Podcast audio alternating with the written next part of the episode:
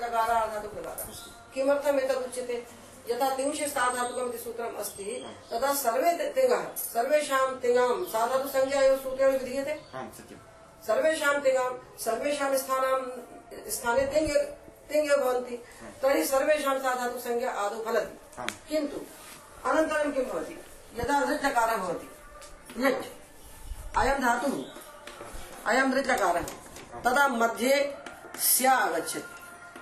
आम् अयं स्या धातुः संज्ञकः अस्ति। अतः धातोः समक्षं तु स्या तिष्ठति। आम् अस्य स्थाने भवति अयं साधातुक संज्ञकः अयम् आधातुक संज्ञकः किन्तु कार्यं किं भवति? कार्यम् आधातुक निमित्तमेव भवति। यथा कार्यं यद् भवति तत् अव्यवहित परस्य अव्यवहित पूर्वस्य भवति। मध्ये व्यवधानं मास्तु तदैव कार्यं भवति। अतः अयं लृट्लकारः आर्धातुकलकारः इति उच्यते। इत्येव वरम्। अस्तु यथा एतद् निमित्तं किमपि अत्र का- स्य इति आगतं खलु तत् कृत् न इति। नहीं अयम् आधातुक आधातुक प्रत्ययः अस्ति। आधातुक प्रत्ययः अस्ति परन्तु कृत्संज्ञकः नास्ति? वस्तुतः प्रत्ययः चतुर्विधः। अस्तु। धातु विधा प्रत्यय वस्तुतः चतुर्विधा। चतुर्विधः। अयम स्या प्रत्यय केवलं मध्ये तिष्ठति अनेन कोऽपि शब्दः न निर्मीयते। इट इज़ ओनली सपोर्टिंग सहायक प्रत्यय है। ये सहायक प्रत्यय है। साहाय्यक स्या प्रत्यय से कोई शब्द नहीं बनता। तिंग से पद बनता है। यदि तिंग प्रत्यय लगाते हैं तो तिंगंत पद बनता है। और कृत प्रत्यय लगाते हैं तो क्या बनता है? कृत कृदंत। कृदंत? प्रातिपदिक। हाँ। देखो ये धातु है गम। इससे हमने लगाया ती। तो गच्छति बना। ठीक है ना? यह है तिगंतम पदम। किंतु गम धातु से हमने युत लगाया। तो बना गमनम गमन। यह है प्रातिपदिक। तिंग लगाने से तिंगंत पद बनता है और कृत लगाने से प्रातिपदिक बनता है। और ये बीच में जो शब्द बीच में जो बैठ गया शब्द इससे कुछ नहीं बनता। इट इज़ ओनली सपोर्टिंग ये खाली सपोर्ट कर बनाने में सहायता करता है। तो जो धातु प्रत्यय के बीच में आकर बैठते हैं वो सहायक होते हैं। उसका नाम विकरण होता है। तो अत्र अ, अ, इति प्रत्ययसंज्ञकः ये एव भी अस्ति। विक- हाँ, भी है है। चूँकि मध्य में बैठा है इसलिए विकरण है। क्योंकि मध्य में बैठा है इसलिए विकरण है। तो विकरण दो प्रकार के हो गए। एक तो गणांग उद्देश्य ये विधि अंते। आम् दिवादिभ्य स्वादिभ्य। एतत्तु लृतो हो शतासी लृतो तर्हि लकारम उद्देश्य लकारावस्थायां लट् लि इति उक्ते लट् लृङ् एकम् एका परिभाषा अस्ति निरनुबन्धकग्रहणे सानुबन्धकस्यापि ग्रहणम्। यदि लृट् उच्यते तदा लृट् लकारस्य बोधः भवति। लृङ् उच्यते तदा लिङ् लकारस्य। किन्तु यदा लृ उच्यते तदा उभिवल्बोधः भवति। हाँ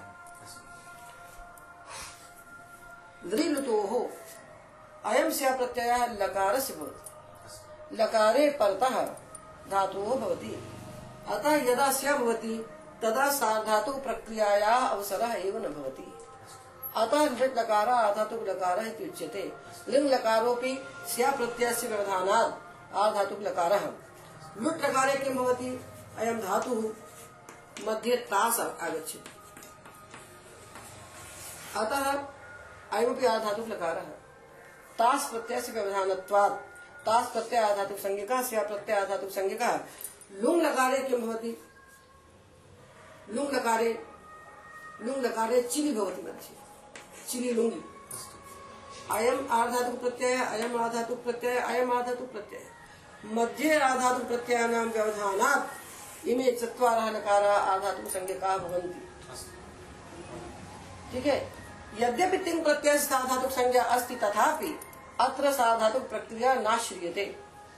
यथा अयम अयम गम धातु अयम तास अयम तिप् अत्र शप न भवति। शप कदा भवति? कर्तरि साधा धातुके अयम साधातुक संज्ञकः नास्ति अतः शप न भवति। शप न भवति अतः अस्य गच्छ न भवति। शप न भवति अतः अस्य गच्छ आदेशो न भवति। अतः लुट् लृट् लृङ् लुङ्। एते चत्वारा लकारा सा धातुक प्रक्रियाँ कदा विनाश्रयन्ति अतः इमे चत्वारा लकारा धातुक लकारा इति उच्यन्ते। अस्तु अत्र श्री इति प्रत्ययः दर्शितः खलु? चिलि श्री चिलि लुङ्गि तत्र सः वशादिप्रत्ययस्य अकृतः उदाहरणम् इति स्वीकर्तुं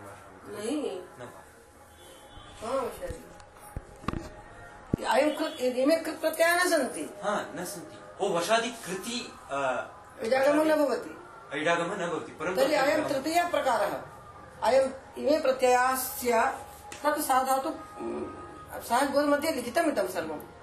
प्रथमे भागे स्या चिलि तास् इमे प्रत्ययाः न तिङः सन्ति न इमे कृतः सन्ति इमे विकरणप्रत्ययाः सन्ति। एतेषाम् आगम शत्रुशांशौ अ, कृतौ वा हा। हा कृतौ कृतौ अहं वदामि किन्तु अतः कथं ज्ञायते अहं वदामि अष्टाध्याय्यां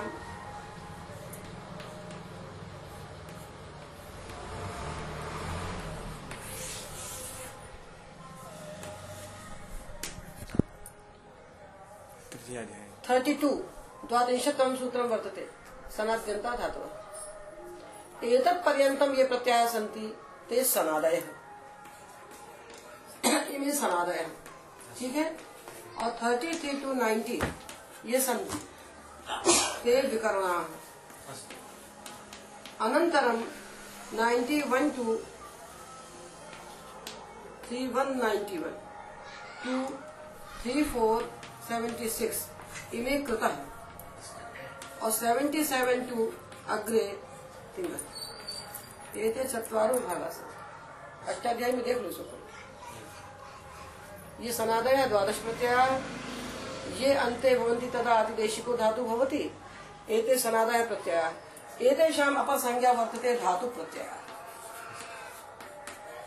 ये धातु भवती प्रत्यय कहलाते हैं। आतिदेशिक आतिदेशिकः इति शब्दः इदानीं उक्तवती तद् न अवगतम् आतिदेशिकः औपदेशिकः। धातुपाठे औपदेशिक धातवः सन्ति ये धातु पाठे धातवः उक्ताः ते हाँ। ते ते हाँ। पाणिनिना उपदिष्टाः।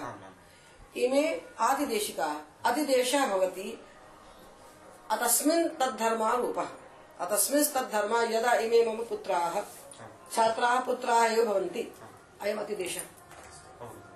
अयम् अतिदेशः पुत्रीयति छात्रम् गुरुः छात्रं पुत्रीयति पुत्रवत् व्यवहारं करोति।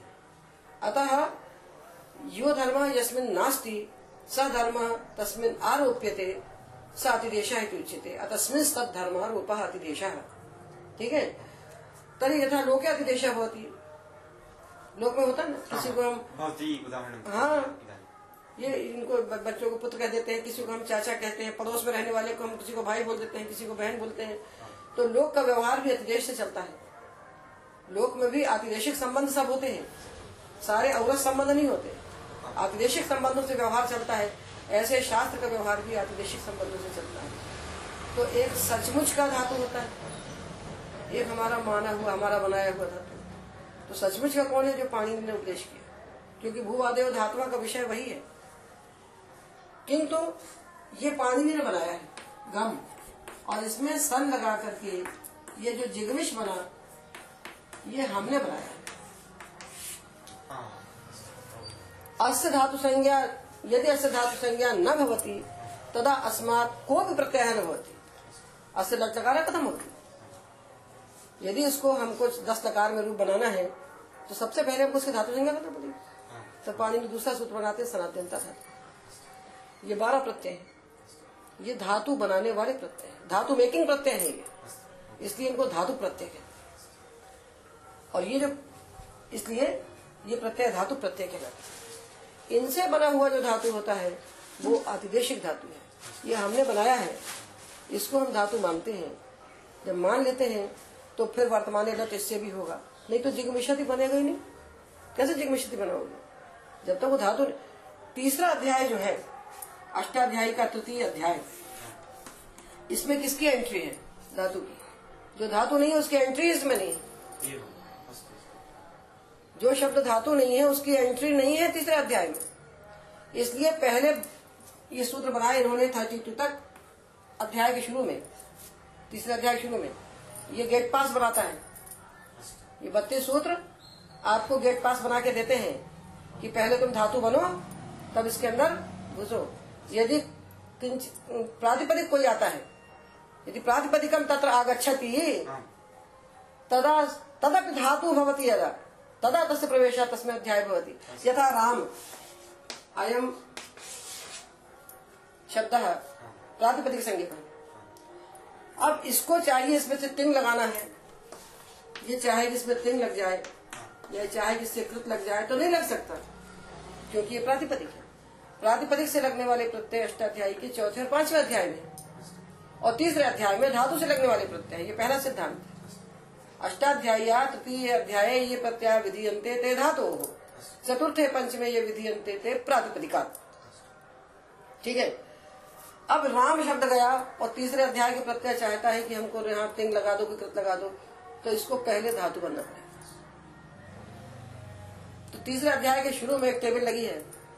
वहाँ धातु बनाने का विज्ञान पूरा बारह प्रत्यय हम अलर्ट कर देते हैं। कोई प्रत्यय लगा लो और धातु बन जाओ। तो भीतर प्रवेश करो वो जो मंदिर है वहाँ पर नासिक में, त्र्यंबकेश्वर का अब सब व्यवस्था बिगड़ गई। अब तो सब हिंदुओं का सब पतन हो गया। अब इसके पहले दस पंद्रह साल पहले हम गए थे तो हमने देखा कि वहाँ भीतर प्रवेश करने के लिए ये पैंट पहन के प्रवेश नहीं मिलता, धोती पहन के जैसे दक्षिण के मंदिरों में। तो वो धोती मिलती है वहाँ। आपको प्रवेश करना है तो आप धोती पहन ले लो, और फिर जाओ। तो यहाँ पे बारह प्रत्यय हैं। आप कोई प्रत्यय इसमें से चूज़ कर दो तो आप धातु बन जाओगे, फिर इसमें जाना।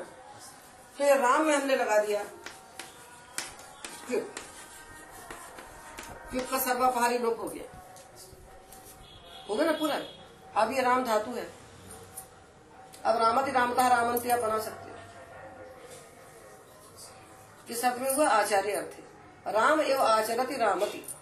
अथवा इसमें हमने लगा दिया क्यंग तो ये हो गया रामाय रामायते रामायते रामायणते इसलिए सबसे शुरू में तीसरे अध्याय के प्रारंभ में बारह प्रत्यय उन्होंने दे दिए।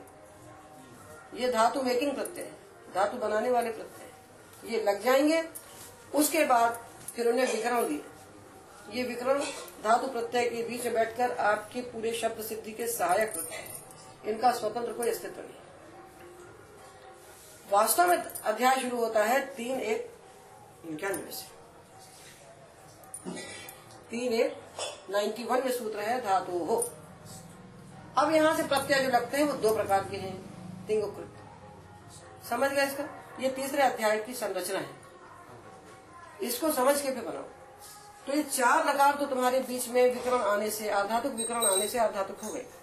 किंतु जो लिट लकार आएगा, स्वरूप लिट, जैसे हमने कहा भू और लिट लिट के स्थान पर हुआ ती और ती के स्थान पर हुआ मन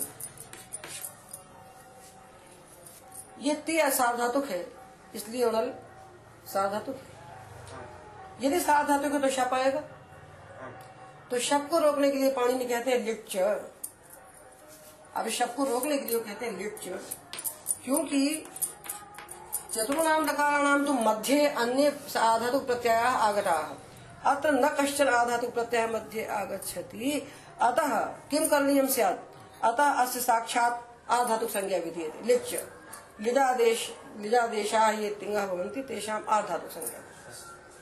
अब नल का नाम हो गया आधातु इसलिए शब नहीं आएगा। और इसी प्रकार आशीर लिंग में भी भू और आशीर लिंग आया। तो यहाँ भी हमने कहा, आशीर लिंग। इनने कहा लिंगाशीषी। आशीर लिंग के जो तिंग है इनका नाम भी आधातुक है तो दो लकारों की साक्षात आधातुक संज्ञा की लिच्च और लिंग आशीषी से। ठीक है? दो- हाँ। आशिषि यासुट् इति किमपि प्रत्ययः? आगच्छति यासुट भवती पर हाँ। तत्र यासुट् आगच्छति चेत् तस्य सूत्रस्य किमर्थं प्रयोजनं? विधि लिंग लकार होता है और लकार होता है। विधि लिंग का यासुट सार्धातुक होता है। विधि लिंग का यासुट सीयुट परस्मय पद में यासुट आत्मनि पद में सीयुट ये सार्धातुक होते हैं। आशीर में जब यासुट सीयुट होते हैं तो अर्थातुक होते हैं। नहीं ये पूछ रहे हैं कि विकरण बीच में जैसे ताश आ जाते हैं। हाँ? जैसे ताश विकरण बीच में आ जाता है ना? ये विकरण नहीं है। ये आगम है। ये आगम है। जैसे जैसे लिट में सिया बैठ जाता है और सिया आधा नहीं है, है। देखिए आगम स्वतंत्र होता है। आ- नहीं आगम परतंत्र होता है और विकरण स्वतंत्र होता है। हम्म, तस्य स्वस्य स्वभाव स्वभाव नास्ति यदागमास तद गुणीभूता। तद ग्रहण गृहते इनके में लिख दो। हमने दो तीन बातें बताई आपको निरुबंध का ग्रहणे सानुबंध का ग्रहणम यदागमास तद गुणीभूता तद ग्रहण गृहते आगम का स्वतंत्र कोई अस्तित्व नहीं। जिसको जैसे हमने कहा ये ती ठीक है? या ते इसको हो गया सीउट सीउट ये यदि सार्वधातुक है तो ये सार्वधातुक होगा ये आर्धातुक है तो आर्धातुक होगा किंतु ये जब हमने भू से शब लगाया इसका स्वतंत्र सार्वधातुकत्व है। इसका सार्वधातुकत्व तो स्वतंत्र है। इसका जो कुछ भी है जिसके साथ जुड़ गया ये उसी का अंग होगा जैसा वो होगा वही होगा। इसलिए सीयू ट्यासुट को कितनी बुद्धिमत्ता पूर्वक पाणी ने आगम बनाया तुमको बताया था मैं सीयूट का। यदि सीयूट को स्वतंत्र प्रत्यय कर देते।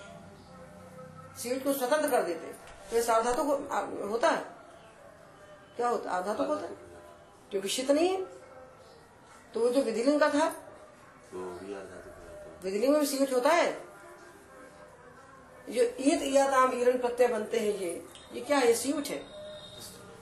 सीयूट के सा का लोप हो गया ई बच गया। ये भी आधातुक हो जाता। इसलिए सीयूट यासुट को उन्होंने प्रत्यय नहीं बनाया। उनको आगम बना दिया। और आगम बना दिया तो आगम क्या होता है? जैसे ये आगम है, सब हमारे पास आए हैं। अब ये हमारे अंग हैं। ये हमारे परिवार के अंग हैं। जब तक हमारे साथ है, हमारे परिवार के अंग हैं। ठीक है ना? तो इनका स्वतंत्र कुछ नहीं है। इनका कोई चूल्हा नहीं है, चौका नहीं है। जो कुछ बनेगा, जो हम खाएँगे, वो ये खाएँगे। जहाँ हम रहेंगे, वहाँ ये रहेंगे। तो आगम जैसे किसी के पाँच उंगली होती है किसी की छह उंगली हो जाती है। तो वो छठवीं उंगली जो है उसके सहित उसको देवदत्त कहते हैं। कभी षड उंगली होती है ना? हाँ। तो देवदत्त की छह उंगलियाँ हैं तो छह उंगली को मिलाकर छठवीं उंगली का नाम भी देवदत्त होगा। तो आगम पृथक नहीं होता और प्रत्यय पृथक स्वतंत्र होता है। अब वो जिसके साथ जुड़ गया तो प्रत्यय कैसे बना वो?